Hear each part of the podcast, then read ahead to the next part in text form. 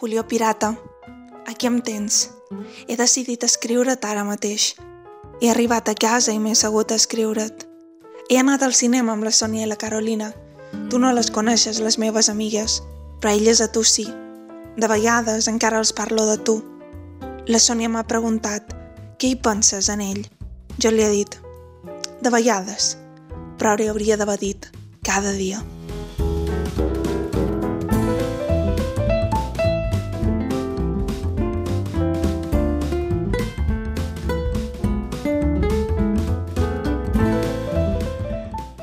Sigueu benvingudes i benvinguts altra vegada a Tàndem. Comencem aquí un nou programa d'aquest podcast sobre literatura infantil i juvenil i mediació literària. Soc el Guillem, mestre, defensor de les biblioteques escolars i hobbit en potència. I m'acompanya, com sempre, la Marina, editora, lectora empedraïda i motivada de la vida. Hola, Marina! Espero que avui has vingut amb ganes d'apuntar i molt. A veure, Guillem, jo sempre faig la feina eh? i tenc aquí preparada la meva llibreta i el meu bolígraf per a començar a apuntar-ho tot per tenir-ho tot ben recollida quan passem l'entrada. Ojut, que jo també em porto, eh, d'avui de, de, de full i de bolígraf, o sigui que... Sí, ja ho sé, t'he vist molt enfadat quan hem entrat. Què te passa? que han sortit les estadístiques de biblioteca escolar del, bueno, del 2019-2020. Ara aquí haurien de posar un efecte grito. I, i me les he anat llegint i cada vegada que la llegia jo sol m'enfadava més. Se te posava aquí la bona ben inflada, no? Sí, sí, sí. I ja sé que és un programa maco, que és un programa divertit, però és que, és que no pot ser. És que no pot ser. Re, quatre... és que m'ho he hagut d'apuntar. M'ho he hagut d'apuntar perquè, perquè si no... dic- Això és rigorós directe. Ah, exacte. I no he fet un estudi encara mm, exhaustiu com vaig fer amb, amb els anteriors, però és que només amb quatre coses ja veus que la cosa va pel pedregar.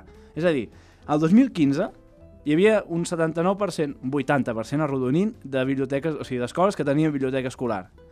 2019 hem baixat a un 56-57%. Això vol dir que hi ha un 43 i pico per cent d'escoles que no tenen biblioteca escolar, quan, recordo, és obligatori per llei. Que quedi clar. Estàu infringint Sí, la llei. no, però I perquè- això és 2019, Això o és sigui, 2019, 2020. prepandèmia, que se'n deuen haver perdut pel camí mm, moltíssimes. Sí, sí. Hores d'obertura... És que qualsevol cosa que et miris, hores d'obertura. El 2010, eh, de mitjana, 20 hores o 21 hores d'obertura a les biblioteques escolars durant l'horari lectiu. 2015, 14. Ara estem a 9. És que Sí, i després pretenem que sigui una societat lectora, que llegeixi, que tothom tingui accés a llibres, i... et- Sí, val, doncs, di- doncs com? I si vas preguntant pel carrer, sí, la lectura és molt important i tant, home, l'escola s'ha de llegir. Ah, sí? Com? Com? Si no fem res perquè això canvi? I ja em calmo i ja està. Però... I perquè no han posat el pressupost? Perquè el 2010 era de 1.030, a 15 va baixar a 600 i pico, no em vull imaginar com està ara. Clar. Bueno, ja farà, ja farà que tremoli Twitter, perquè quan el Guillem s'hi posi a denunciar tot això... No, però, però perquè crec que és greu. Sí. És a dir, ja no és mm, si m'agrada més una cosa, si m'agrada més una altra, o si em sembla millor o pitjor. És que és greu. O sigui, les biblioteques escolars és una cosa, és un element important en la formació dels nens i nenes i dels joves. I si no hi és, es perd molt. I aquí està la demostració que s'està perdent. I com a societat catalana que som i que volem ser millors, no ens ho podem permetre. I ja està. I a partir d'aquí ja em seré content i ja em posaré alegre amb les recomanacions, però mm, trobo que des d'aquí ho havíem de denunciar. Bravo. Gràcies. M'ha pareix molt bé. I, i avui l'alegraràs perquè um, Sí. fem un clàssic de la radiodifusió podcastil catalana, ben, ho he pogut dir sense travar-me, com és el programa de recomanacions de Nadal, no? Estaràs, estaràs content.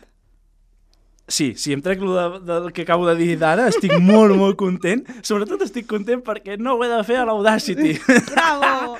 no m'he de passar hores i hores buscant pistes i mirant i posant. O sigui, és fantàstic, això. Jordi, gràcies. gràcies, de veritat. No saps com t'estic agraït. Oh, en fi, això ho diem perquè veieu la feinada que fèiem antes. I ara la fem igual, però més fàcil. Clar, clar, perquè realment és un dels programes que costa més de, de produir i que en el seu moment ens costava més de, de realitzar també després. Sí, sí. Um, però sí, a, a més, uh, a mi és un programa que m'agrada especialment perquè tot i que estem tots sols, no?, aquí Sí. amb, amb, amb, amb cos, en ànima estem molt acompanyats, no?, perquè juntament molt. amb la prestatgeria de Sant Jordi, que és una, una mica el mateix, és el programa que més acompanyats estem, que més persones participen. I ja des d'aquí volen donar les gràcies infinites, immenses a totes les persones que um, aconsegueixen fer-nos un forat, dedicar un moment per participar en aquest programa i a les que no han pogut participar perquè anaven molt curtes de temps també. Som conscients que sobretot els llibreters i llibreteres els hi demanam un favor enorme en, en els moments que més feina tenen um, durant l'any. I Guillem, jo, si, si t'apareix, aniria començant amb les recomanacions perquè si no um, mos quedaran com sempre sense temps. Eh, sí, em sembla molt i molt bé. I a més ha passat una cosa interessant, que suposo que aquesta campanya deu haver-hi molt bons llibres, perquè realment la gent no ha pogut resistir a fer més d'una recomanació. Nosaltres normalment demanem una, però és fantàstic perquè ens n'han fet més d'una en a la mateixa nota de veu, o sigui que Sí. tindreu gairebé doble, doble feina en apuntant. Uh, així que sense més preàmbuls, no? podem començar, què et sembla?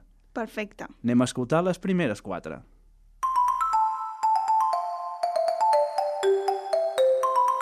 Hola, sóc la Maite Cusó de la llibreria Pebre Negra del barri del Clot i us volem recomanar un llibre molt especial. Es diu Dame un bocado. És un atlas de sabores del mundo. L'edita l'editorial Maeva Young i està fet per l'Alexandra Mizelinska i Daniel Mizelinski i Natàlia Barangouska. És un llibre preciosíssim, il·lustrat, que ens convida a fer un viatge pel temps i per l'espai de eh, descobrint els aliments i els sabors de tots els països. Llavors, cada capítol consta d'un país on coneixerem detalls curiosos de la història, alguna recepta, té unes il·lustracions exquisites i és un llibre per perdre's. Podreu viatjar des de Noruega, Nigèria, fins a Egipte, passant pel Brasil. Una preciositat. Bones festes a tothom! Hola, hola a tots els tàndem estimats. Soc la Paula de la llibreria Lots i per aquest Nadal jo us recomanaria un llibre que llegir-lo ha estat com tornar a tenir 16 anys i voler haver tingut aquell llibre a les mans.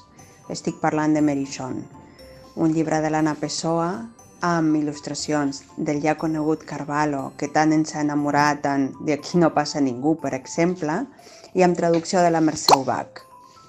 Tornar a tenir 16 anys i poder-te enfadar, descobrir, enrabiar, voler buscar l'amor, enrabiar-te amb aquell que no et feia i escriure una carta llarga, molt llarga, on tot quedi posat. Crec que l'exercici de la Merichon ho hauríem de tornar a fer ara, als molt passats els 40. Però és tan bonic poder tenir aquella sensació de llibertat i de control en el descontrol de l'adolescència. Un llibre meravellós, editat per l'altra tribu, que no podeu deixar passar. I com que em queda un foradet, us convido a una joia que acaba d'editar Calandraca, que es diu Dos ossets. La fotògrafa Illa, durant molt de temps, va ser fotògrafa de natura i cap allà als anys 50, exactament al 54, va fer un llibre que seria un fotolig, literatura infantil amb fotografia com a format a la doble pàgina de l'àlbum. És la història molt senzilla de dos ossets que la mare va buscar amb ell i que ell marxen, tot i que ell els havia dit no us mogueu d'aquí. Però la tendresa, la calidesa de la fotografia, la qualitat d'impressió de Calandraca és una veritable joia i com que tenim tan poquets àlbums amb aquest format en què la il·lustració deixa de tenir llapisos o rotuladors o aquarel·les per passar a que sigui la foto que, que parli, és un veritable tresor, un llibre que no hauria de faltar en cap eh, biblioteca personal. Doncs espero que tant Merichon com aquests dos ossets es facin un lloc en aquestes cartes pels Reis. Gràcies. Hola, família Tàndem. Jo us recomano L'Amy i la Biblioteca Secreta, una novel·la de l'Angrats editada per Takatuka i traduïda per Roger Rimbaud, que ens explica la història de l'Amy, una nena de 9 anys que revoluciona l'escola primària de Shelburne, als Estats Units, quan descobreix que el Consell Escolar ha retirat de la biblioteca del centre, Pipi Calces Llargues, el seu llibre favorit, perquè diuen que no és adequat per l'alumnat. aquest no serà l'únic llibre censurat i l'Amy i altres companys i companyes se les enginyaran per seguir llegint tot allò que els està prohibit. El recomano en primer lloc perquè penso que als infants els pot agradar molt. L'autor crec que sap com connectar amb els lectors més joves, amb un to fresc, gens condescendent i ple de tocs humorístics. A més, aconsegueix un molt bon ritme, amb capítols curts i que acaben deixant-te sempre amb aquelles ganes de seguir llegint. La lectura també val la pena per conèixer l'Amy, la protagonista de l'obra i també qui fa de narradora, perquè és un personatge molt ben construït, amb debilitats, fortaleses, i que veiem clarament com evoluciona al llarg de la novel·la. A més, espero que algun dia no sigui necessari fer aquest apunt, però crec que és important ressaltar que l'Amy és una nena negra, que això no ens ho trobem pas sovint.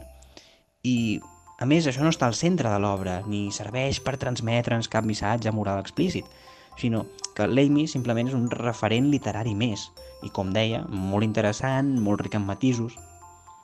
I finalment crec que és un llibre d'aquests ideals per fer-ne lectura compartida, per conversar-ne, perquè posa temes com la censura, la llibertat no? sobre la taula i ho fa sense alliçonar. De fet, el van fer el club de lectura de la llibreria L'Espolsada i puc dir que els va agradar molt, més del que em pensava i tot, i va donar lloc a, a converses molt, molt, molt potents. Dit això, jo aquest llibre mm, potser el censuraria, eh? No fos cas, no fos cas que els infants es tornin petits delinqüents desobedients. Hola amigos de Tandem, es un placer volver a estar con vosotros en vacaciones de Navidad para traeros un librito. Este año apostamos por Taxi Mec Mec, el asombroso Barret del 2021, una explosión de risa, color y pasajeros. Taxi es un álbum que apela a todos los sentidos del lector, pero a todos, a todos. Atrae la mirada con sus colores flúor, hace cosquillas en el oído con onomatopeyas y la musicalidad de sus rimitas, y además provoca la carcajada asegurada gracias al humor absurdo con el que Servant y Gain han dado vida a este explosivo viaje. Hay la mar de personajes estrafalarios, personajes que llegan con cada doble página, hasta hacer de Taxi una especie de camarote de los hermanos Mars. Uno, dos, tres, cincuenta. Y no estamos todos, todavía hay que abrir el desplegable. Taxi es un descorchador de sonrisas, os lo prometo. Además, es una excusa fantástica para aprender a contar y también tener conocimiento de los números. Stravinsky decía siempre, ¿prisa? Nunca tengo prisa, no tengo tiempo. Pues Taxi Mec es una invitación al paseo y a la tranquilidad. El adiós definitivo a la vida con prisas, familia. Así que si queréis aprender a contar, vivir con calma y conseguir un taxi, es imprescindible que os leáis este asombroso Barrett. Ha sido un placer compartir un nuevo álbum con vosotros. ¡Felices fiestas!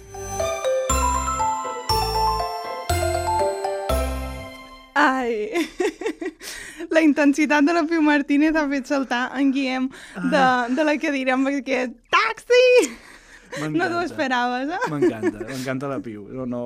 Qual, jo qualsevol cosa que digui ella me la crec i, i, i, i la vull llegir. Si fa tant riure com ella quan, quan recomana ja... ja... És una gran recomanadora. Oh, que bo. I bé, la veritat és que jo aquí ja tinc uns quants llibres a la llista que, que vull apuntar.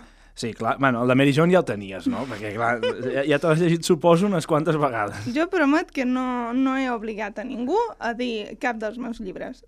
Ho promet. No, però és veritat que és un... Bueno, jo vaig anar a una presentació del llibre, eh? Oh, I, vera. I Sí. em va interessar molt el que deia. Hi havia la Marta Cava i el Freddy González, si no m'equivoco. I, I la veritat, la manera en com ho van parlar... Aquesta, a mi aquesta idea de que sigui una carta m'agrada molt, és, ho trobo molt, molt curiós. Parlem-ho ja, i així ja, ja està, perquè sortirà més d'un cop, em sembla, Sí, i no m'estranya. Yo he venido aquí a hablar de mi libro.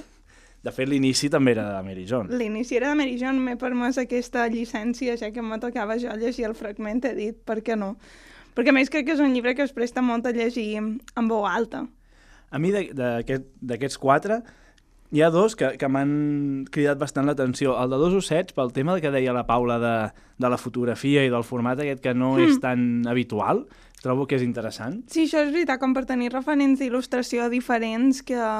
I, i realment el fotoàlbum és de, dels formats menys comuns. Sí, sí, sí. Bueno, tingueu en compte per quan aneu a, a mirar cosetes. I després la l'Amy i la Biblioteca Secreta del Marc Alabar, que també és un gran venedor de llibres. Sí, eh? i té pintasse aquest llibre. Sí, ja, ja l'he vist recomanat més d'una vegada i realment això de, de que prohibeixin, i a sobre que prohibeixin la pipi ja és eh, tancar el cercle amb el programa passat, eh? Totalment. Però realment eh, crec que és interessantíssim el punt de partida del llibre i després pel que han anat dient la diferent gent que he pogut escoltar, eh, és un llibre molt, molt complet. I m'agrada perquè he llegit, ara no recordo on, És però típic. diria que era Faristol, i potser m'equivoco, uh, que a la traducció el que han fet és canviar els llibres que apareixen per llibres que els nens i les nenes poden trobar en biblioteques d'aquí. Ah, que gran! Que, cosa, que crec que és interessant, perquè al final no, fas que hi hagi una transmissió del, del que llegeixes a la realitat i al contrari, no? I crec que això és un punt interessant. També. Clar, i jugar amb aquests referents compartits al final, perquè si t'estan xerrant que han prohibit un llibre que tu ni has llegit ni tens possibilitat de trobar en lloc, Ah, exacte. el joc que s'estableix se perd una mica. Um, en si, m'ha fet molta il·lusió que la Paula recomanés Mary John, perquè realment estic molt d'acord amb ell. És com tornar a l'adolescència, a la intensitat, al melodrama, Mhm. a la manera com se viu l'amor. És una novel·la romàntica, o sigui, no, no ens amaguem. és i a moments molt empalagosa, però així tot, el, el missatge, la manera com està escrita, bé, si vares venir a la presentació, que de fet es pot recuperar pel Vimeo, jo Ah, aprofit per doncs dir-ho, els de la Sendac l'ho varen deixar penjat i tant el Freddy com la Marta uh, crec que varen apadrinar molt bé aquest llibre i varen Mhm. dir coses molt interessants. Um, no m'estendré no m'estendré més, però, però sí que crec que um, quan, vaig, um, quan era adolescent m'hagués agradat llegir aquest llibre.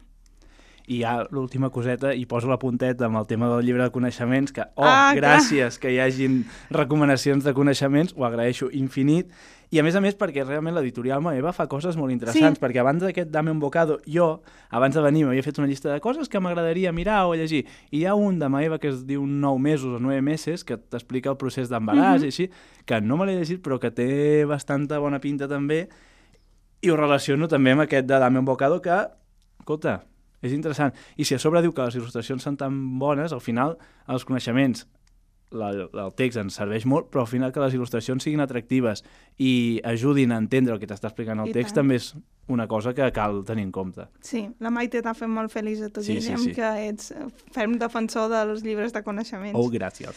I si vols escoltar amb un altre grup a veure què ens han preparat. Som-hi. Hola, sóc Irene Tortó Sala de la llibreria L'Altell de Banyoles i us vull recomanar el llibre O, de Jules Goffin, editat per Calandraca. És un llibre que just s'acaba ara mateix de, de, re, de reeditar, feia molt de temps que no es trobava, estava en format una miqueta més gran i és d'aquells llibres tan màgics per explicar en els nens. Per què? És un llibre sense paraules on una imatge, comencem, una mà un dit que assenyala alguna part d'algun lloc, però una pàgina doble, l'aixeques i immediatament t'adones que és una mà que sosté un cocodril, que el cocodril té una tassa a dalt del morro i immediatament a la pàgina següent ja trobem una tassa que aquesta tassa que amaga, si estirem la pàgina, un transatlàntic i un peix. I és clar, aquest peix serà el proper protagonista de la següent pàgina, que el veiem tot sol, però quan estirem la pàgina ens apareix un ànec. I així successivament.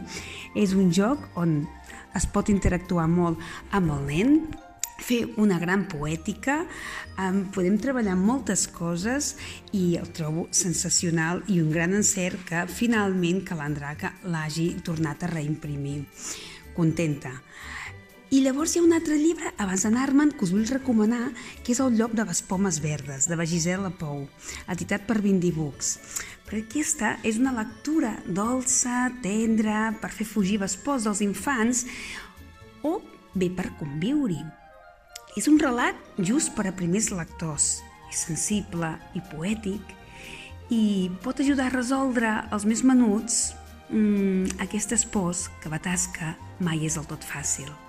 Hola, sóc la Mònica Baró i sóc professora al màster de Biblioteca Escolar i Promoció de la Lectura de la Universitat de Barcelona i la Universitat Autònoma de Barcelona. I jo us recomanaré un llibre de coneixements. En aquesta ocasió n'he triat un de publicat l'any passat per l'editorial Zahorí, que és una editorial especialitzada en aquest tipus de llibre i que fa una feina excel·lent, tant pel que fa a la tria dels títols com per la seva edició, sempre, sempre molt acurada. La veritat és que es tracta d'un llibre una mica insòlid i que potser algú pensarà que no és molt recomanable per nois i noies. El llibre es titula Robatoris de llegenda. Està escrit per Soledad Romero i en última instància serveix per demostrar que l'edició infantil i juvenil no té límits pel que fa als temes que pot abordar. D'entrada, el llibre ja crida l'atenció per la seva presentació, eh? que recrea gràficament les notícies que van aparèixer als diaris en el moment de cadascun dels robatoris. No? I, I per això ja té un aire una mica, una mica retro, podríem dir. Però és que quan comencem la lectura quedem absolutament atrapats per l'enginy, la previsió, l'audàcia que hi ha darrere de cadascun dels robatoris. Des del robatori de la Mona Lisa al Louvre, a principis del segle XX, els més inversemblants atracaments a bancs, furgons blindats, trens, eh, i fins i tot un atracament en un avió en ple vol, del qual el lladregot va fugir en paracaigudes amb el botí. Ho sabrem tot de cada robatori. Quin eren els protagonistes, com es va planificar, com es va executar, com es va investigar el cas i com es va resoldre. I és que el que ve a explicar el llibre és que per molt que s'implantin sistemes de seguretat per protegir els béns més preuats, sempre, sempre hi haurà una ment que els desafiï. Se'n surti bé o, o no tan bé. És un llibre que es pot llegir a partir dels 9 anys, però que interessarà a totes les edats. És una boníssima lectura per tothom i vull agrair a Tàndem la bona feina que feu divulgant el, aquestes, aquestes obres de literatura infantil. Moltíssimes gràcies. Hola, sóc la Júlia Baena i us recomanaré alguns llibres. Començarem pels més joves de l'ESO, dues recomanacions per primer i segon d'ESO. El còmic Snapdragon, aventura, màgia, realisme i temes molt potents. Eh, per mi aquest còmic ho té tot. L'autora és Pat Lay i edita Astronave. I després també us volia recomanar Archie, el noi que parlava amb els elefants, una història realista, tendra i meravellosament ben escrita. Escriu Lluís Prats i edita Columna. Pels més grans de l'ESO, tercer i quart, us recomanaré dos llibres més. Començarem pel còmic En la ment de Sherlock Holmes, eh, edita l'editorial Base, un còmic fosc, eh, molt ben il·lustrat, molt fidel a les novel·les originals i perfecte pels amants del misteri i el gènere detectivesc. I acabaré amb la novel·la Germanet, d'Ibrahim Abalde i Amets Arzai Usantia, una història de migració que veu directament de la tradició oral africana. Us sentireu quan el llegiu com si l'Ibrahima us l'expliqués davant vostre. En aquest cas, edita Blacky Books. I fins aquí les meves recomanacions. Gràcies. Hola, sóc la Glòria Gorgs i us volia recomanar dues novetats per aquest Nadal. El primer és un llibre que es titula Yo quiero un perro, de la Kitty Crowther, que edita Fulgencio Pimentel.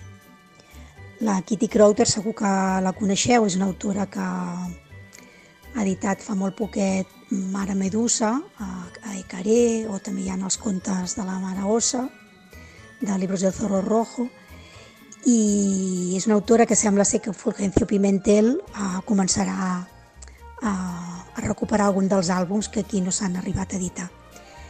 Jo quiero un perro és un llibre que té moltes de les coses habituals amb la Kitty Crowther i sobretot té aquest punt d'humor una mica gamberro, un personatge que és un infant que té els seus mal de caps, no, no, estal, no estalvia problemes. La Kitty Crowther sap que la infància no és un període fàcil i aquesta nena necessita un gosset perquè vol, fumar, vol formar part del, d'un club, un club exclusiu de la seva escola i per ser d'aquest club necessites un gos, però la mare de cap de les maneres li vol comprar.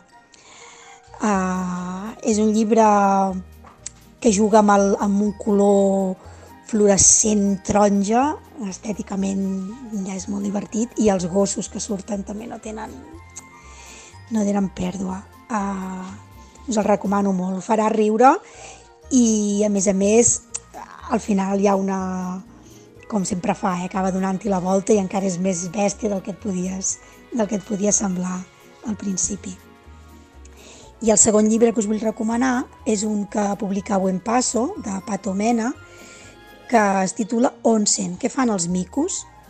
i és un llibre per, per petitons que parla dels onsen. Onsen són els banys termals, uns banys termals naturals del Japó i sembla ser que els agrada molt als micos i és un llibre per molt petitons d'un dia d'aquests micos a dins de, a dins d'aquests banys termals, no? tot el que fan.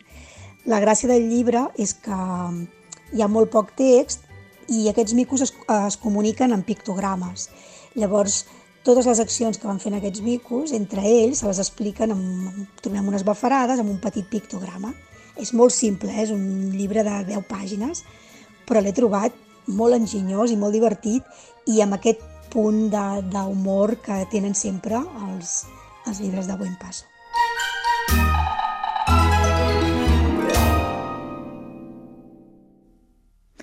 Perfecte. Eh, nou recomanacions, eh? Es diu aviat. Um, Tranquils, Realment. estaran totes apuntades que a sí. la web, a la pàgina web, vull dir que no patiu. La Marina farà els deures, farà la llista de reis perquè podeu anar directament a la llibreria Ah, i li digueu, mira, dona'm la llista de tàndem. Um, clar, realment hi ha moltes coses um, que volia comentar de- d'aquestes recomanacions. La primera, uh, que m'hi ha fet pensar la, la Irene de, de l'Altell, és que difícil és explicar un àlbum il·lustrat Ostres. Um, sí, sí, sí, sí, sí. Només de veu sense, sense poder ensenyar l'àlbum, no? Perquè té igual d'importància la imatge que el text, òbviament, Mhm. i, i m'ha sorprès la Irene aquest intent d'explicar-nos aquest, um, aquest àlbum de O de, de Josh Goffin. Bé, de fet, ha dit que era un llibre sense, sense text, per tant, clar, és Clar. que encara és més complicat. Però, déu-n'hi-do, se n'han Sí, sortit se n'han prou sortit bé. molt bé. Sí, I a sí. més, m'agrada la idea aquesta de que recomanem també coses no només per llegir autònomament, sinó, ei, que aquest serveix molt, va molt bé per explicar-lo als altres, Sí. no? per explicar-lo als nens i nenes, que això també és una cosa molt important en la promoció de la lectura i si volem que, que els nens i nenes llegeixin, no? que és explicar-los i nosaltres contes, explicar llegir-los i àlbums il·lustrats o el que sigui. Per tant, gràcies, Irene, per la, per la recomanació. Jo m'enganxo un altre cop al llibre de coneixement Clar que sí. I la Mònica Baró aquí és una, un tòtem d'això. I, i realment vaig bastant per les editorials però saps allò que dèiem a vegades de que una de les coses que ens podem mirar si volem saber si un llibre és bo o no és l'editorial Sí, per això és capdalt. És un dels criteris que com a consumidora Mhm. a, a títol personal me funcionen millor. Doncs el que deia la Mònica, jo estic totalment d'acord. Zauri Books està fent una feinada Sí. molt bona, molt bona. De fet, jo tenia apuntat en aquella llista que he dit abans, eh, Mhm. un altre dels seus que es diu Benvingut Nou Món, eh, que parla sobre bueno, els reptes ambientals que tenim en l'actualitat, així. I, I, de fet, el de Robatoris de la Llegenda també és un d'aquests que... És que és meravellós. O sigui, jo a la prestatgeria de Sí. por, que ja vàrem xerrar d'aquest llibre, és que l'any passat quan em vam oferir entrevistar a la il·lustradora... Mhm. mm a l'il·lustrador i a l'autora del llibre pel culturista, um, realment va ser un gust poder llegir el llibre, poder xerrar amb ell sobre el procés. És que crec que és un llibre tan ben parit i sobretot el que deia la Mònica, l'important que és aquest tipus de llibres que demostrin que a la Lix se pot xerrar de qualsevol Mhm. tema, o sigui, que no per llegir un llibre sobre grans robatoris de la història no mos sortiran delinqüents, no? Com deia, Oh, bé, bé, qui sap, com qui deia sap, el Marc. Adabart, li donem a vegades massa responsabilitat a la literatura. Potser haurem de fer com la Emi d'abans i anar traient llibres d'aquests, però si de casa agafen idees, eh? Escolta, I, I la Júlia, la Júlia no una ni dos, quatre, bum, per, directes, eh? Júlia Metralladora. o sigui, superordenada ella, molt bé, molt bé. I, I estàvem molt preocupats, te'n recordes la nostra primera prestatgeria? La primera de totes, que vàrem demanar als llibreters, els hi dèiem fins i tot de quina categoria volien Mm. que ens fessin la recomanació per assegurar-nos de que hi hagués diversitat. Sí. Això ja, òbviament no ho feim, uh, ja mos han relaxat més, però estic contenta perquè s'acompleix molt Sí, la diversitat. i Fins tant. i tot això, gràcies Júlia per, per entrar en el món dels còmics. Sí, el, jo de la ment del Sherlock Holmes el tinc més que apuntat. És molt xulo. Eh, diuen que és una gran, gran obra. I, eh, mira, i, no sé, pels, nen, pels nens aquests de tercer i quart d'ESO, no ho sé, però per mi segur que anirà bé. No, no, vull dir que... que I a més a més m'han semblat interessants els dos, les dues novel·letes, les dues novel·les que, que ha dit, també. Això de que sigui de tradició oral africana o que et recordi això m'ha Sí, a més el de Germanat de Blacky Books, Mm. um, fins on jo sé, no està pensat per públic jove, que això també m'agrada molt. Um, la Marta que ho, ho ha fet també més d'una ocasió de d'alertar els mediadors de ei, hi ha aquest llibre que està en una col·lecció d'adults que a priori potser no Ja. te'l miraries per, per, pels teus alumnes o pel, pels joves que tinguis a casa, però uh, fes-li un cop d'ull, no? Que um, el mateix que deia la Mireia Manresa de la Shirley Jackson. Està en una col·lecció d'adults, però mediador, això t'interessa. Bueno, és el que dèiem, al al final, si un llibre és bo, Sí. et ressona... A veure, òbviament hi ha moments i, i, i, i complexitats en què no arribes, però et pot ressonar tinguis bastantes edats diferents, no? Clar, I si... totalment. Llavors, crec que sí, sí, que és molt, molt interessant. I això dels micos, pels més petits, veus, és que m'agrada perquè hem passat dels més, més grans, els joves més grans, a, als més petitons, no? amb el tema de, dels micos i de què fan en aquests banys termals. A sobre en pictogrames, també una altra manera de... una altra estètica, una altra allò, fotografia, pictogrames, il·lustració... No? Crec Sí. que juguem amb això i està molt, molt bé. I ja que xerràvem de- d'això de, les editorials com a criteri de selecció, Mhm. tant Fulgencio Pimentel com a Buen Paso, eh, per Sí. això és aposta segura quan xerram d'àlbum il·lustrat.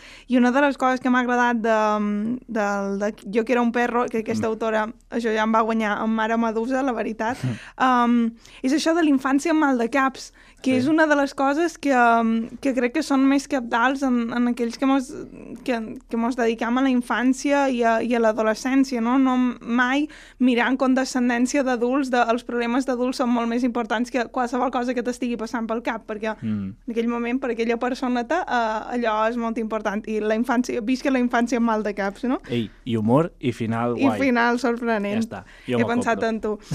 um, no, realment, um, ens, estan, ens estan fent engreixar la llista. Crec que em deixaré el, el sou del mes de desembre en aquest programa. Però el millor de tot és que no hem acabat. Ja. Encara ens en queden. Per tant, anem als següents? Anem al següent. Som-hi. Hola, sóc la Fe de l'Espolsada Llibres de les Franqueses del Vallès. M'agradaria recomanar-vos per aquest Nadal Rastellera de colors, d'en Pep Molís, il·lustrat per Alicia Varela i editat a Babolinca. Un poemari que és com si obríssiu una capsa de colors, aneu agafant un color i per cada color teniu un poema. Un llibre ideal per compartir en família i per llegir en veu alta, perquè regalar-nos poemes és de les coses més boniques que podem fer. Un altre llibre que voldria recomanar-vos és Sonakai, de la Meritxell Martí i Xavier Salomó, a Flamboyant. Un àlbum il·lustrat meravellós, amb aquarel·les, que malauradament és molt vigent, perquè parla de tot el que aboquem al mar i del, de tot el que provoquem a, a la natura i com aquesta a vegades ens ho torna un àlbum per reflexionar, per compartir en família, per grans i petits i per plantejar-nos quin món volem i en quin món volem viure. L'altre llibre que m'agradaria recomanar-vos és La platja màgica, de Crockett Johnson, l'autor d'en Harold i el llapis eh, morat, eh, un llibre fantàstic que ha recuperat ara Corimbo, eh, en traducció de la Maria Lucchetti, i és un llibre que és un cant a la imaginació, al poder de la paraula. Uh, dos nens que estan en una platja de sorra on un creu en la màgia dels contes i l'altre no. Uh, en mica en mica van parlant, van establint un diàleg, van escrivint a la sorra de la platja tot de coses que els permetran endinsar-se en la història i construir aquest àlbum um, senzill però alhora bonic, un cant a la literatura de veritat, de la que ens agrada. Que tingueu molt bones festes i regaleu molts llibres. Soc l'Olivia, de la llibreria L'Aranya de Cerdanyola, i per aquest Nadal m'agradaria recomanar-vos un parell de llibres. En primer lloc, una novel·la infantil per lectors de 9-10 anys que es diu La Bel i el Biel. Està escrita per l'Òscar Dalmau i està editada per l'editorial Montena. Les il·lustracions van a càrrec de la Magda Codina i la veritat és que són meravelloses. Uh, crec que enllacen totalment amb el punt d'humor que té tota la història, una història de dos germans, un molt petit que és el Biel i una més gran que és la Bel, i totes les preguntes que constantment fa el Biel a la Bel. Preguntes sobre els pares, sobre els veïns, sobre les mascotes, sobre els esports, els malsons, les botigues, els museus... Uh, amb tot, uh, la novel·la um, crec que té dos punts molt, molt importants. Un, l'humor del llenguatge i sobretot de l'ús de les onomatopeies contínuament, juntament amb les il·lustracions de la Magda, i a part la possibilitat que ens brinda de aprendre moltes noves paraules, algunes realment impronunciables, molt, molt llargues. I mm, d'altra banda, també m'agradaria recomanar-vos un àlbum il·lustrat. En aquest cas, és un àlbum editat per l'editorial Joventut que es diu Un nen molt estrany. El text va a càrrec del Ricardo Alcántara i les il·lustracions van a càrrec de l'Albert Asensio. La història explica què passa amb el Pol. El Pol és un, és un nen que a classe doncs, els seus companys li fan una mica el buit, no, no juguen amb ell, el deixen de banda, li diuen que és un nen estrany. L'intenten provocar, però, però el Pol mai s'empipa i sempre respon que el seu pare és mag. Bueno, doncs hi ha un dia en el que els nens descobreixen de què es tracta aquesta màgia. L'àlbum és una preciositat, com, com ja ens té molt acostumats tant, tant el Ricardo com, com l'Albert, i, i crec que té un rerefons molt, molt, molt bonic i, i bé, molt ideal també per, per regalar en aquestes festes. Hola, sóc la Marta Cava, sóc la bibliotecària escolar de l'Institut Premià de Mar i m'agradaria recomanar dues novel·les. La primera és una novel·la infantil, pensada sobretot per un cicle superior, i és l'Amy i la Biblioteca Secreta, editada per Takatuka. La història comença quan la Amy va a la biblioteca del seu centre i decideix agafar la seva història preferida, que és Pipi Calces Llargues. El problema és que descobreix que l'han hagut de retirar perquè uns pares s'han queixat de que és una obra no adequada per les criatures. Quan descobreixen que encara hi ha més títols que han estat retirats per aquest mateix motiu, ella i un grupet d'amics decideixen muntar la seva pròpia biblioteca clandestina amb tots aquests títols dins de la guixeta de l'institut, tot i que no serà una tasca fàcil perquè la directora farà l'impossible perquè retirin aquesta petita biblioteca. L'altra novel·la que m'agradaria recomanar és pensada més per un públic juvenil i és Mary John, editada per l'altra tribu. La protagonista d'aquesta història decideix escriure-li una carta al noi que li agradava abans. I en aquesta carta ella s'obre en canal i li explica com s'ha sentit i com es sent en l'actualitat.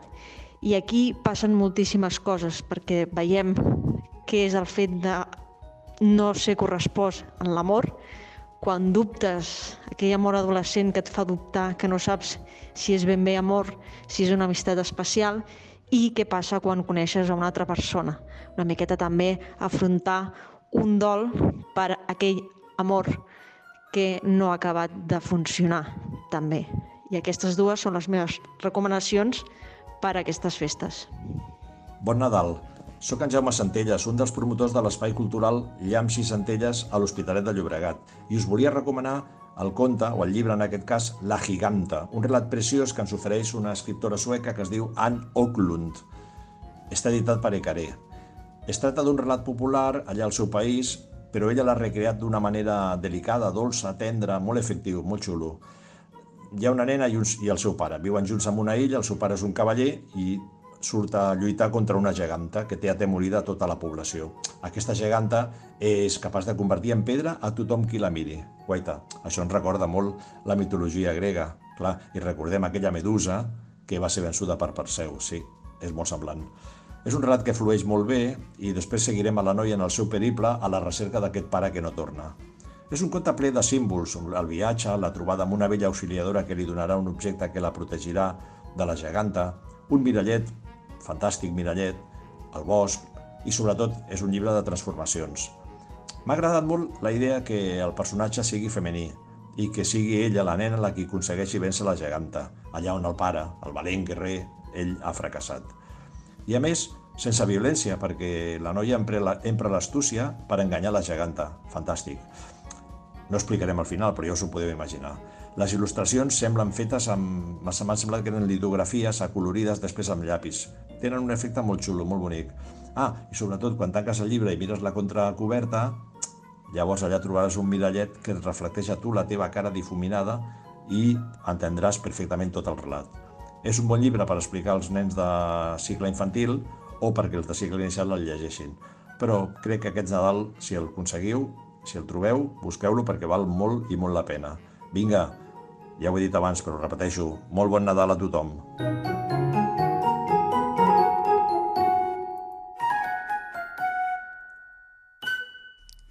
Ara sí. Eh, mira, hi ha una cosa que m'ha semblat interessant. No, no m'agrada que coincideixin amb títols perquè són menys recomanacions, però alhora és interessant perquè vol dir que realment aquests títols valen la pena. I Sí. en aquest cas amb la Marta acaba passat les dues vegades, no? Amb Mary John i amb, i amb la l'Amy, no? Doncs, fantàstic. Clar, doble prescripció. Ara a més hem tingut poesia, que no n'havíem Sí? tingut fins ara. A més, amb el Pep Molís, que en, no sé, No podem, podem instaurar un club de fans aquí, si volem. en bola. I no sé, jo el, el Sonakai el, el tenia també fitxat i la resta m'han semblat també interessants. No els conec tant, eh, els que han anat dient, o sigui que m'ha agradat perquè aquests m'han sorprès bastant. No sé si a tu Sí, o no. clar, és que realment es... són guais aquests programes perquè et descobreixen llibres, Mm. cosa que no acostuma a passar, perquè al Mhm. final quan estàs tan ficat dins aquest món és que costa molt um, que et vagin sorprenent títols, perquè més o menys intentam estar pendents, però la part bona de demanar, sobretot a llibreters, que ens facin aquestes recomanacions i també a la quantitat d'amics de tàndem que, que intervenen en aquest programa, és que gent que en sap molt i que te pot ajudar molt a descobrir-te noves coses. De fet, Sonakai, mira, Sonakai ha estat de les meves últimes lectures pel, Ah, mira. pel Club de Lectura de Llegim amb el Lots, de, de la llibreria en Lots, i realment és un llibre que crec que és molt bo per club de lectura, sigui d'adults llegint Mhm. l'ix o, o segurament d'infants, perquè per això és d'aquells llibres que creixen molt quan se comenten. Jo he sortit de la lectura mm, individual amb unes impressions Mm -hmm. i el club de lectura no feia més que créixer. Uh, van sortir teories que jo no se m'havien ni passat pel cap. Um, realment, uh, molt recomanable, que és un àlbum il·lustrat molt llarg. Sí. Molt llarg.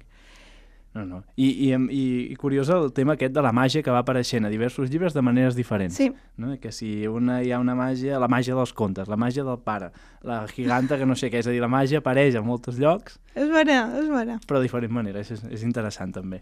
Realment me'ls apunt, me'ls apunt pràcticament tots, per no dir tots, perquè no, no crec que pugui, però m'interessa molt el tema de la censura de l'Amy, perquè a priori pot ser un tema molt de ficció, però jo penso, per exemple, que no, no fa tant de temps, um, parlant, tirant-ho cap a, un poc cap a casa, però el Bernat Cormant, els seus llibres van ser censurats en moltes biblioteques escolars de, del País Valencià perquè les, les famílies es van queixar que els seus llibres no havien d'estar a la biblioteca escolar, o sigui que realment um, el que deia el, el Marc i que ho ha comentat la Marta, que realment el tema de la censura Bueno, i recordem aquelles escoles que volien treure contes populars Sí. i històries d'aquestes. Eh, tirem perquè ens seguim sí, sense sí, temps, sí. eh? Finalment podem anar per, per l'últim grup, que a més me pareix que han tingut una incorporació d'última hora. Hola, sóc la Núria de la llibreria Sendac de Barcelona i per aquest Nadal us volem recomanar dos àlbums il·lustrats. D'una banda, La nit de la visita, de Benoit Jacques, editat per A Buen Paso. És un llibre meravellós, divertidíssim, molt intel·ligent, sobre un dels moments menys coneguts de la història de la Caputxeta Vermella, que és quan el gran llop ferotge arriba a casa de la iaia. Què es van dir, què va passar, com va anar la conversa exactament entre ells dos. L'autor ens dibuixa una història realment hilarant sobre una iaia amb una sordesa al·lucinant i un llop que intenta un cop i un cop i un cop i un altre enganyar a la iaia i entrar a la casa. No us expliquem al final perquè realment val molt la pena descobrir-lo per un mateix, però us recomanem moltíssim, moltíssim aquest llibre. I d'altra banda, també us volem recomanar un altre àlbum il·lustrat que s'ha publicat uh, fa molt poquet. Es tracta de el nou llibre traduït aquí al català de Shinsuke Yoshitake. Es diu I mira ara i l'ha editat El dimoni pelut. És un autor que segurament recordareu per Ser o no ser una poma, Atascado, Gotetes... Actualment hi ha bastants àlbums seus aquí editats. En aquest cas, eh, ens fa el dibuix, el, el retrat de la història entre una mare i el seu fill a través dels anys. I ho fa amb absoluta tendresa, amb molt d'humor. És un llibre en el qual ens sentirem identificats tant els pares i mares com també els, els nens i nenes quan el llegissin de manera compartida i estic seguríssima que despertarà molts somriures i certa nostàlgia. Que vagi molt bé i bon Nadal! Jo voldria recomanar dos llibres, un adreçat a infants i un altre adreçat a joves i adults. El primer és el llibre àlbum Els Garcia i el Mur, de l'escriptor Jaume Copons i l'il·lustrador Òscar Julve, editat per Ànima Llibres. Aquest llibre té la voluntat i la intenció de narrar una història atractiva sobre l'amistat, una amistat entre dos veïns que tarda en arribar i que té diferents obstacles per arribar a ser amistat. És una història ben trebada en la qual el diàleg entre il·lustració i text és realment molt bona i una de les coses atractives és que té alguns fils, alguns símbols que lliguen més amb els adults que amb els infants i que tot això el que fa és enriquir la història. L'altre llibre és per a joves i adults, és la última novel·la de la Laura Gallego, es diu El cicle de l'etern emperador i està editat per Montena. És una novel·la que podríem titllar de fantàstica en la línia de les altres obres que ha editat aquesta autora i és una història aparentment complexa en la qual hi han dues línies de narració, dues vides uh, de dos joves aparentment, molt llunyanes, però que acaben convergint en un punt. Uh, si haguéssim de resumir-ho molt per no fer un spoiler, seria ja com una lluita pel poder. A casa són tres dones de 11, 13 i 46 anys. I avui vull proposar tres títols que a casa hem llegit i rellegit i que crec que poden funcionar molt bé com a regals de Nadal o autoregal de Nadal. El primer és el llibre de la sort, que edita Buen Paso, un llibre espectacular, un àlbum d'en Sergio Lairla i l'Anna Gil Artitegui, que ha donat molt de sí per mirar per davant, per darrere, per girar-lo, per fer hipòtesis, per fer deduccions, un super, super, super llibre per totes les edats. Després tinc la Mary John, que és aquesta novel·la que edita l'altra tribu, que escriu l'Anna Pessoa amb unes il·lustracions increïbles d'en Bernardo P. Carballo, jo en tinc aquí el, el pòster aquí eh, penjat aquí a la feina, i és un, és un llibre molt especial per la de 13, però jo crec que també per la, per la de 46, és a dir, una servidora, un llibre que parla d'una adolescent que ha d'abordar el procés de créixer amb tot el que té això de dolorós, amb amors i desamors, eh, molt, molt, molt recomanable. Eh, el tradueix la Mercè Ubach. I després tinc un altre àlbum que és una mica per totes les edats, aquest també l'hem rellegit i jo crec que fins i tot hem plorat juntes llegint-lo, es diu A veces la lluvia, de la Inara Bezanilla i la Susana Zelek, Selec, que edita Tule, i que és una, és una delícia que parla molt del fet que els nostres fills eh, es fan grans i tard o d'hora acaben eh, tallant el cordó i, i com això ens afecta tant als fills com a, com a les mares. No? Eh, aquestes són les tre meves tres propostes. Jo sóc l'Àgata Los Santos. Espero que us agradin i que em digueu què us han semblat. Hola! Eh, mira, eh, em dic... Eh, bé, Dan Xaval, com em dic. La qüestió és que, veient el que estàveu fent, he pensat que jo també podia passar per aquí i donar-vos unes dues recomanacions ben boniquetes i petitetes. Són dos llibres de coneixements que ens faran aprendre moltes i moltes coses. Una és Construccions animals l'editorial Flamboyant, eh, de la Emilia Ziubach, i m'agrada perquè ens explica com són les cases dels animals i ho fa d'una manera entenible, eh, concisa i, i realment ben pensada. A més a més, té com una llegenda que et permet saber on estan les cases, si a sobre terra, si a sobre, etc. I crec que és molt i molt interessant i a sobre està super ben il·lustrat amb unes il·lustracions realistes però que a la vegada uh,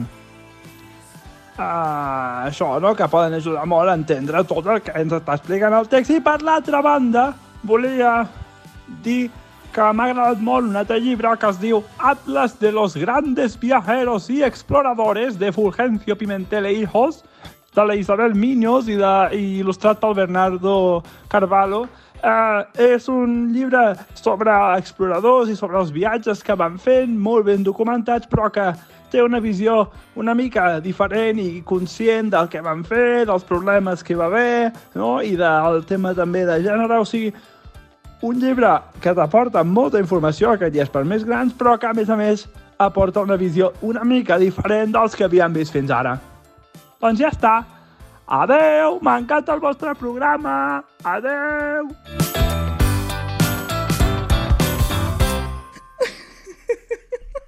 No sé què vols que te digui. Jo estic molt d'acord amb el que ha dit l'última persona. De totes les maneres com has intentat apoderar-te d'aquest podcast, crec que aquesta ja és la més recargolada. Trobo que són dues superbones Sí, recomanacions. sí, no, una persona molt eloqüent. Val, doncs ja està. Ai, per favor. Aquesta sí que no me l'esperava, m'he posat nerviós i tot. Um, sí, sí, no, realment m'han agradat molt aquestes uh, recomanacions d'aquest recomanador misteriós, perquè crec que no ha dit el nom. Um, no passa res. Molt, molt bé, uh, incloure aquests llibres de, de coneixements, sí senyor. I no sé, segueix tu ara, perquè jo m'he quedat en T'has quedat blanc. parada, eh? Sí, Veig? sí. Va, no passa res. No, mira, a mi m'ha agradat molt el de la Núria, la nit de la visita, perquè ja trobo estrany trobar un moment de la Caputxeta que encara no s'hagi parlat gaire. Sí, sí. No? És allò, la Caputxeta s'han fet 300 milions de d'adaptacions, de readaptacions, de canvis, de tot, i mira, doncs trobar-ne un de tant en tant que sigui original amb aquest tema, doncs és És que realment els teus tres ingredients, que és literatura popular, humor, final sorprenent. Pozi. Jo crec que és el teu llibre, Guillem. Te Ja ho l'hauries veuré, de comprar. Ostres, han parlat d'un llibre nou que es diu Mary John, que no l'havia sentit a dir mai, i és curiós, eh? M'ha semblat interessant. Clar, I... jo estic contenta perquè no l'hauré de defensar gaire, o sigui, no hauré de fer l'autobomba que a vegades m'acosta fer, perquè si tres persones d'aquest programa l'han recomanat, és que és un llibre molt bo, no? Mm -hmm. I després, el tema de, de la Laura Gallego, doncs, a mi, clar, a mi com que m'agrada el tema de fantasia, doncs trobo interessant que vagi traient coses. En general m'agrada bastant, o sigui que... A Bien. més està bé perquè a vegades ens deixem la fantasia i ja ha sortit el, la Júlia Baena, ja mm. ha fet menció, ara el llibre de la Laura Gallego, um, realment m'han paregut tots genials, tinc moltes ganes de que David és la lluvia perquè he de confessar que la Susana Selej és, és una de les meves Mm. debilitats absolutes. És interessant el fet d'això, no? de tenir llibres d'acció, d'aventura, de fantasia, però també llibres que parlin de l'emoció o del que se sent o de tot això, no? O sigui, que enfoquin la, la, la història de maneres diferents i que tractin de maneres diferents el, el que passa, que no només expliquin el- l'acció i l'aventura en si, sinó també què pensen o què, o què és el que senten els personatges, crec que també és interessant. I Completament. he dit interessant com 50 vegades els, últims dos minuts. Els haurien d'anar comptant. Sí. I res, el Pep Molis no ha dit el nom, però era la persona que ha recomanat els Garcia i el Mur i el llibre Mhm. de la Laura Gallego. Jo només faig a- aquest apunt per, per si qualcú um, se l'ha perdut. I, I no sé, és que me n'anant d'aquí amb una llista infinita. Sí, sí, jo uh, crec que ha quedat un programa allò ben farcidet i d'aquells que convé escoltar-lo abans de, de Nadal per si s'han de demanar coses als Reis, al Pare Noel, al tió, és igual, a, a qui sigui. Eh, I ja està, i ho tindrem tot apuntadet, tot ben posat. I, vaja, jo, jo és que m'ho compraria tot, per tant...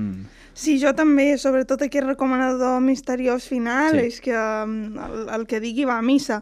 Uh, jo aniré fent Guardiola, aniré estalviant la meva, la meva nòmina, perquè després d'aquest programa la veritat és que pot ser diu de les tentacions que tenim nosaltres després de tàndem, clar, Exacte. que, que pareix que nosaltres fem aquí fomentar l'ànsia viva, però que nosaltres també la vivim. Sembla fàcil el que fem, i no ho és tant.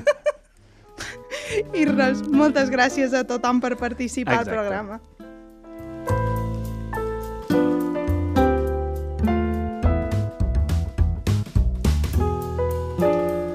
Si aquest episodi t'ha deixat amb ganes de més, en trobaràs totes les notes a tandemlish.cat. També estem a les xarxes socials com Tandem Lish i et pots subscriure al nostre butlletí mensual al web per rebre més contingut. La producció, el guió i la idea d'aquest programa és de Guillem Fargas i Marina Llompart. El logo i la identitat gràfica és de Maria Mora. La magnífica sintonia és del Carlos Arjona. El disseny gràfic és de la Cristina Rubió. El culpable que el so d'aquesta temporada sigui una fantasia és del nostre tècnic Jordi Bartomeus i la responsable que ha fet que puguem utilitzar les instal·lacions de BTV és la Núria Ferrer. Gràcies a tots els convidats pel seu temps i el seu entusiasme. Finalment, gràcies a tu per la confiança. Gràcies per escoltar-nos i recomanar-nos. Així ens fas arribar una miqueta més lluny.